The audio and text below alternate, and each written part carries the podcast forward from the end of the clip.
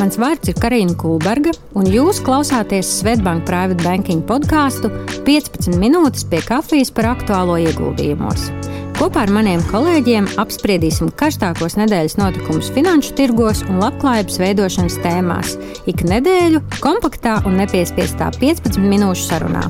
Klausieties mūsu podkāstu Spotify Svetbank Private Banking kontā, spiediet follow un zvani ikonu, lai nepalaistu garām jaunākās sarunas. Lai labi skan un uz tikšanos!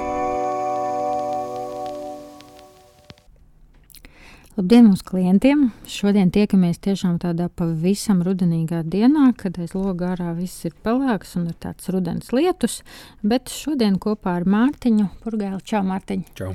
Parunāsim par to, ko jau aizsākām tēmu, un, un gribētos ik ceturksni to arī paturpināt. 22. jūlijā runājām par Baltijas akciju tirgiem un kas tur aktuāls un kādi ir bijuši jaunākie publiskie piedāvājumi šajos tirgos.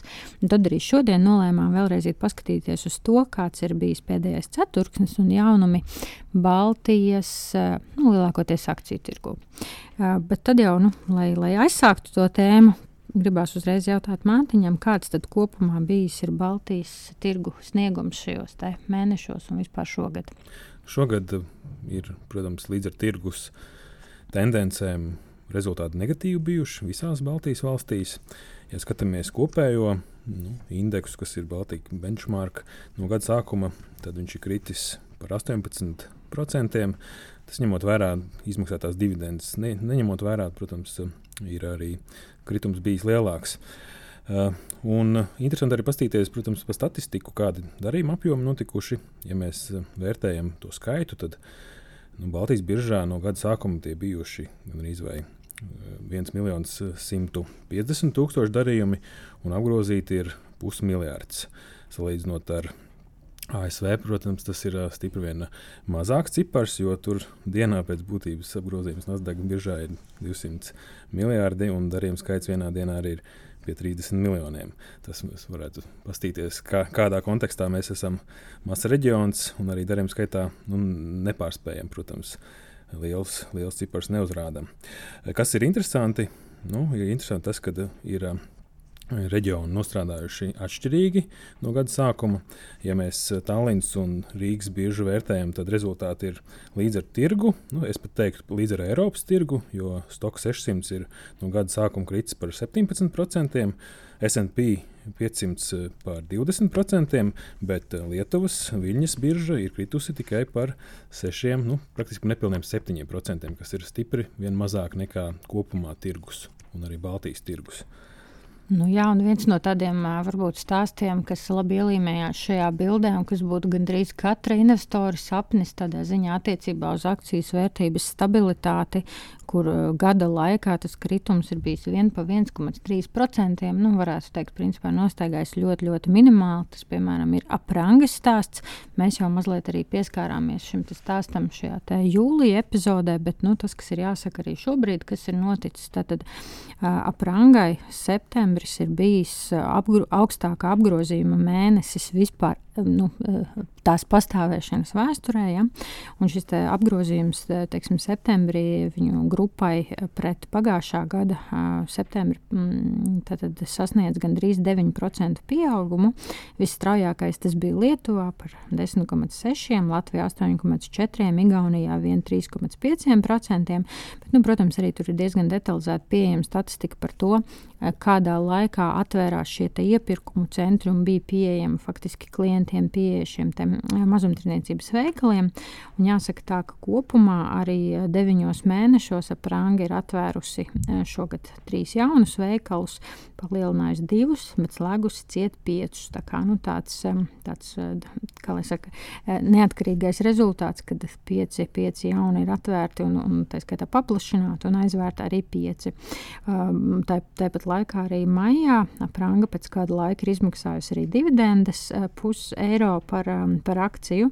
Un, eh, nu, kādēļ varbūt tas kritums nav bijis tik ievērojams šajā periodā, jo kopumā jāsaka, ka nu, tas lielākais kritums Prangas pusē bija piedzīvots eh, tieši periodā no Covid sākuma, teiksim, februārī vēl 20. gadā viņa akcijas vērtība bija 2,17 eiro, aprīlī nokrita uz 1,5 šajā pašā 20. gadā, un ja mēs tagad skatītos šajās dienās, tā vērtība ir kāda 1,8 eiro, tā kā joprojām, nu tā faktiski nav aizgājusi atpakaļ, neskatoties uz šiem labajiem apgrozījuma datiem, bet, nu, nav vēl paspējusi aiziet atpakaļ uz to uh, pirms Covid akcijas vērtības apjomu. Jā, Lietuvas gigants Ignitis arī ir. Es teiktu, droši vien labāk uzrādīs rezultāts nekā tirgus kopumā. Mm. No gada sākuma ir kritums, akcijas cenā 13%, viena mēneša griezumā ir mīnus nu, nepilnīgi 2%, 1,82%. Bet, ja mēs paskatāmies kopā ar dividendēm, tad eh, tas ienesīgums ir bijis no gada sākuma mīnus 7,5%. Mm. Ignitis maksā pietiekami regulāri dividendus. Šobrīd arī ir nolēmts 0,62 nu, eiro izmaksāt. Uh, Pēc būtības tas ienesīgums arī orientējoši ir gadā 6%, ko kompānija izmaksā dividendēs. Pašlaik cena ir 18,36 eiro. Augstākā cena 22. gadā bija 21,7 eiro. Un kas tad ir pašam uzņēmumam, kā viņam veicies? Nu, ir, ievērojami labi rezultāti sakarā ar to, ka pati elektroenerģijas cena ir pieaugusi. Uh, ir ļoti labi gājis viņu zaļā virziena. Nu, šim sektoram, kas pēc būtības nu, vēja ģeneratoru, un viens ir, kad izmaksas tur nepalielinās līdz ar energoresursu krīzi. Tā enerģija tiek sarežģīta par augstāku cenu, bet nu, izmaksas attiecīgi nav palielinājušās, kā tas būtu pie, pie tā, kad ir jākurina gāze un jāražo elektrība. Ko vēl Ignitis ir paziņojis, kad nu, ir iegādājies divus jaunus zaļos projektus, kas ir viens Polijā vēja parks, 137 megawatu mm, apjoms eh, saražošanas plānots. Ieguldīs, ieguldīs viņi 240 miljonus eiro. Un šis projekts tiks kā, palaists 24. Eh, gada otrajā pusē. Un vēl vienu projektu Ignitis ir iegādājies. Tas ir Latvijā Saules paneļu parks, kas ir attīstības sākuma stadijā pašlaik. Uh, Plānotais kapacitāte ir 200 MWh un investīcijas ir 200, 270 miljoni eiro. Un šis projekts startēs 27. vai 28. gadā dzīvē. Jā, nu, tas ir pietiekami klasiski un prognozējami tam, kā Ignitis ir to prognozējis. ka viņš grib attīstīt šīs zaļās enerģijas jaudas līdz 4 gigavatiem līdz 30 gadam. Uh, Nu, kāpēc cena ir varbūt eh, zemāka, nav kāpus, tik daudz labas ziņas, ir tas, ka, protams, ir daudz neskaidrības gan par to, cik, cik būs spējīgi nu, cilvēki maksāt par pa, paaugstināto cenu ele, elektroenerģijai, gan par visiem eh, resursiem, eh, kas ir energokrīzes, kādas būs izmaksas, tur daudz nenoteiktības, un tāpēc arī tā cena šobrīd ir varbūt pakritusies. Nu, jā, vēl viens tāds um, amerikāņu kalniņu saka, cienīgs akciju teiksim, vērtību izmaiņas ir bijušas arī Novaturas pusē. Tur gadu laikā gan akcijas noreģējusi ļoti, ļoti asas, mīnus 35%. Lai gan atkal jāsaka, ka līdzīgi kā tai pašai prangai, nu tad deviņu mēnešu rezultāti no vienas puses ir ļoti, ļoti iepriecinoši. Uh, klientu, apkalpoto klientu ziņā tie ir bijuši 216 tūkstoši klientu, kas ir pa 75% vairāk kā iepriekšējā gadā. Apgrozījums pieaudzis divas reizes, uh, salīdzinot pret deviņiem mēnešiem iepriekšējā gadā. Atkal septembris vēsturē labākie rezultāti, bet, nu, te, protams, jāatgādina, ka tas nāk no bāzes, um, kas ir bijusi. Nu, tikai tā ieskatoties vēsturē, apgrozījumā 19. gadā 179 miljoni iestājās Covid, nokrīt uz 32 miljoniem. 21. gadā izdodas atgriezties pie 109. Nu, skatīsimies, kāds būs šī gada kopējais sniegums. Vērts gan atgādināt, nu, ka, diemžēl, attiecībā uz izmaksu pusi, tās, nu, ja apgrozījums teiksim, atgūstās ātrāk, tad izmaksu pusē tās izmaksas tomēr turpina kāpt un pieaug. Un, diemžēl tajos peļņas rādītājos gan tā atgriešanās tik strauji pie pirms Covid perioda absolūti neizdodas. Nu, līdz ar to izskatās, ka akcionāri par to ir arī nosacīti kā saka, to uzņēmumu vērtību sodījuši, un tā vērtība ir samazinājusies. Vēl, nu es, es gan teiktu, šis uzņēmums ir tāds superveiksmes stāsts. Līnas agro no gada sākuma ir ļoti labs rezultāts. Akcijas cena pieaugusi par 36%. Vienu mēnešu griezumā gan ir kritums 1,53 mīnus, un cena sasniegusi 1,28, nu, orientējuši 1,3 tirgojās. Pats finanšu gads uzņēmumam beidzās jūnijā. Pats uzņēmums to raksturo kā rekordu gadu. Apgrozījums ir pieaudzis par 100%, peļņa par 461% un sastādīja 80 miljonus eiro. Tajā pašā laikā viņi arī, protams, saka, ka tas ir izaicino, izaicinoši bijis, jo ir sācies karš uh, Ukrajinā, kas uh, ir uh, sadārdzinājis izmaksas. Viņiem bija jāaiziet no Baltkrievijas un Krievijas tirgus. Tomēr, nu, neskatoties uz to, ka pat apjoms kaut kādos produktu grupās samazinās, nu, tā cena ir pieaugusi, un līdz ar to viņiem uzreiz tie rezultāti ir, ir labāki. Vēl viņi savā pārskatā atzīmē to, ka, nu, neskatoties to, ka arī visādas izēja materiāli, kas tika pirkti no Baltkrievijas un Krievijas, tika meklēt alternatīvas, tad nu, arī zemnieki, kas ir viņu klienti, bieži vien ir izveidojuši lielākus krājumus nenoteiktības rezultātā un arī iepirkuši ar rezervi, varbūt arī dārgākas šīs izēvielas. Nu, tāpēc šobrīd tie rezultāti ir ļoti, ļoti labi uzņēmumam un arī akcijas cenu atspoguļot. Mm -hmm. Tad mēs gribējām paskatīties arī Igauniju, kur Igaunijā šodien ir pavisam liels un labs jaunums par to, ka tur ir, tātad, ir jauns uzņēmums, saprot, kas paziņojas par vēlmi iziet biržā. Mārtiņ, tu mazliet paskatījies, kas viņi ir. Jā, ir, ir uzņēmums, jauns IPO, ir sākusies pierakstīšanās uz šīm akcijām. Tad, tad viņa nosaukums ir Moller. G-Moller uzņēmums, kas nodarbojās un savā pārskatā raksta, ka nu, tiksim, tā, IPO pieteikumā izstrādā un iegūst komercializē speciālos ģenēriskos farmaceitiskos produktus ASV un Kanādā, izmanto grupas Igaunijas ķīmiju komandu farmaceitisko izstrādājumu uh, prasmes un resursus. Nu, lūk. Un arī papildus grupa piedāvā savu analītiku, ķīmiķus uh, trešajām personām. Šo te, ir tos uh, savu, savus pakalpojumus. Plānots piesaistīt vienu miljonu, ja būs eh, ļoti liela interese un pierakstīšanās eh, nu, tā, pārsniegs piedāvājumu, tad varētu palielināt uz 1,2 mm, miljoniem piedāvājumu. Nu, pieteikties var līdz 4, 4. novembrim. Es domāju, ka tie, kam tas ir interesanti, noteikti vajadzētu iet pastīties mājaslapā visu informāciju un tad secināt, vai ir vēlme pieteikties un turpināt. Ar Iepazīties kopiju. ar prospektu. Jā. Jā. Uzņēmums ir jauns, bet nozara arī, protams, ir interesanta. Un, Un, ja viņi strādā ASV un Kanādā, tur tās iespējas arī noteikti ir stipri plašas. Paskatīsimies, mm. kā veiksies viņiem nākotnē.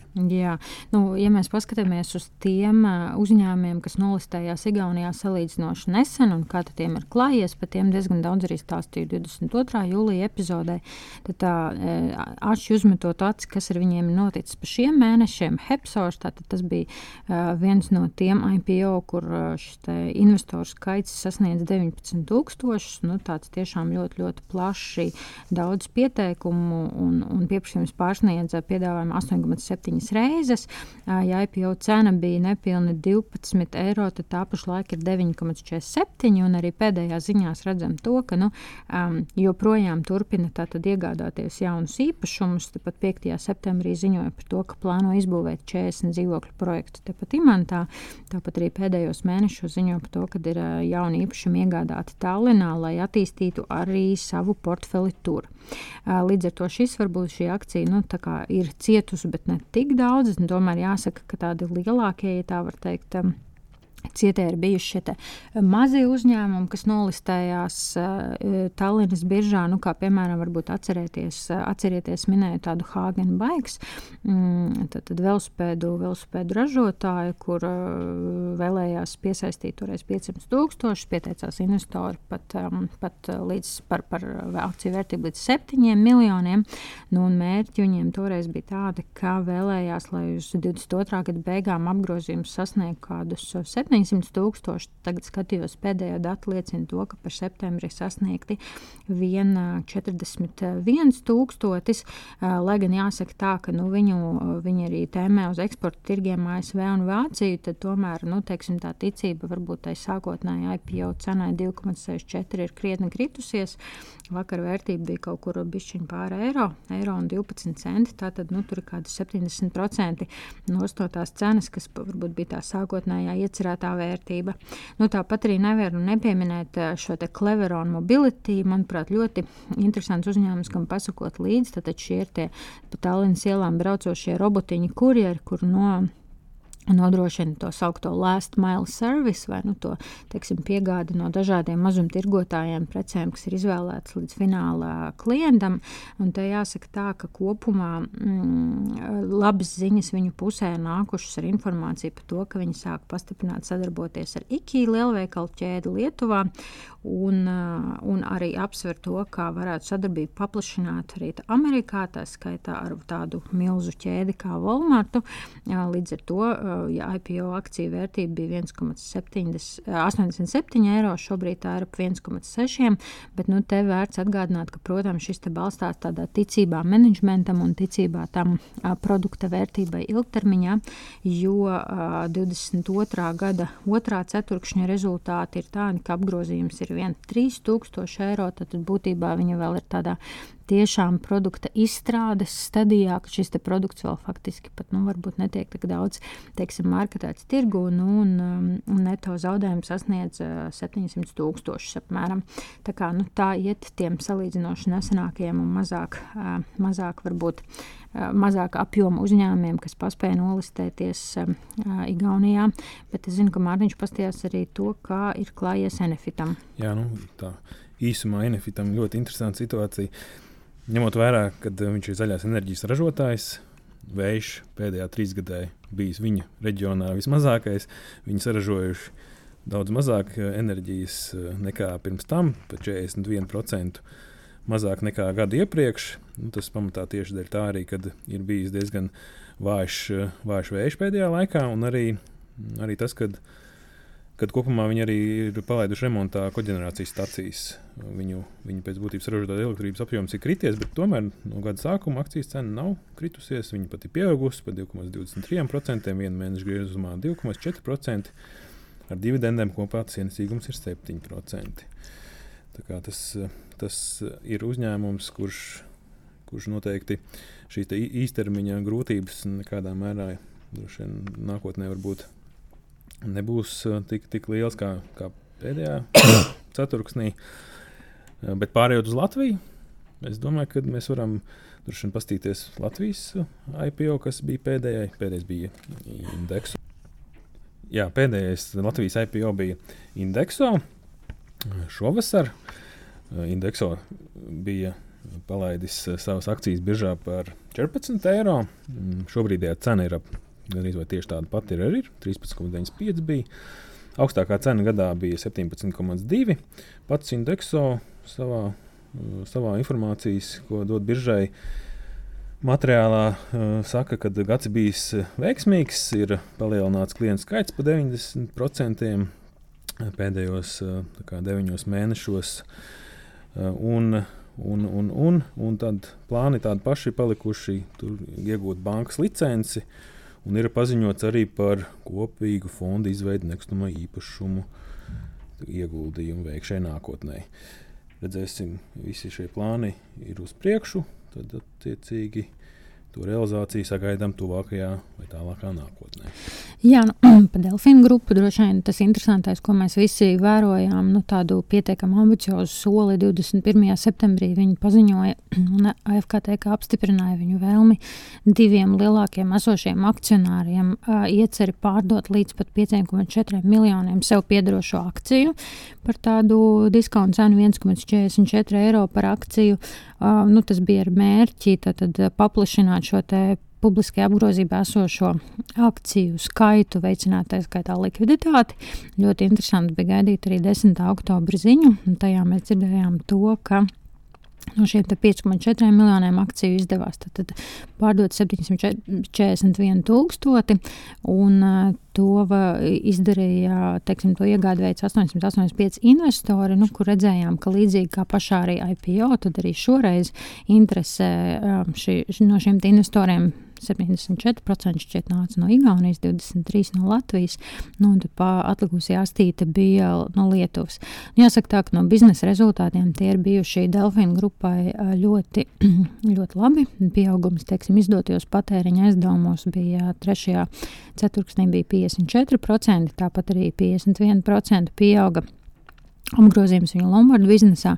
Nu, tā jāatgādina, protams, ka viņi ir varbūt teiksim, tādi ļoti izteikti. Um, dividendžu izmaksu piekritēji, un varbūt savā ziņā teiksim, unikāli ar to, ka uh, ik ceturks paredz, ka 50% no peļņas tiek izmaksāta dividendēs, un, un tiešām arī šogad bijuši ļoti plaši izm izmaksājuši jau papildus šīs dividendes piecas reizes, un arī pašlaik saka, ka plāno vēl vismaz vienu tādu izmaksu šogad. Nu tā, un tad mums paliek vēl viens tirgotājs virsā. Mm. Nu, gada sākuma ir uh, 7,59 10% akciju cena nokritusies. Ir bijusi dividendžu izmaksa, no dividendžu ienesīgums, eh, dividendiem skatoties kopā ir mīnus 6,12. Cena ir 4,38, eh, augstākā šogad bijusi 4,71. Uh, veikalos ir pieaudzis apgrozījums par 18%, degvielas tirdzniecības apgrozījums arī ir stipri vien vairāk, pieaudzis 68%. Tas daļēji dēļ tā, ka pieaug apjoms, bet nu, pamatā arī tas, ka pati degviela ir stipri vien dārgāka bijusi šajā periodā. Nu, elektroenerģiju arī ir sākuši tirgot 11 miljonu. 11,7 miljonu apgrozījums. Un ziņa ir bijusi, ka ir iegādāts skultas LNG termināls 20%. Tas, eh, tas par visiem āpeļņa, nu, pusgada peļņa ir arī salīdzinot ar iepriekšējā gada pusgadu augustu par 113%. Nu jā, jā. Tas ir šodien ātrais ieskats tajā, kas ir bijis aktuāls Baltijas akciju tirgu. Tad jau nākamnedēļ atgriezīsimies pie jums droši vien jau, nu, jau ar oktobra finanšu tirgus rezultātiem. Pakomentēsim, kā tad ir gājis galvenajiem tirgiem, galvenajiem spēlētājiem. Jauku jums šo nedēļu. Vislabāk! Tā. Audio saturā dzirdētā informācija nav uzskatāms par ieguldījumu konsultāciju vai ieteikumu slēgt finanšu tirgus darījumus vai ieguldīt finanšu instrumentos. Paldies, ka noklausījāties mūsu sarunu šodien. Atgādinu, ka, lai nenokavētu jaunākās epizodes, spiediet follow un zvaniņu ikonu Spotify kontā Svetbank Private Banking, lai laba diena un uz drīzu tikšanos!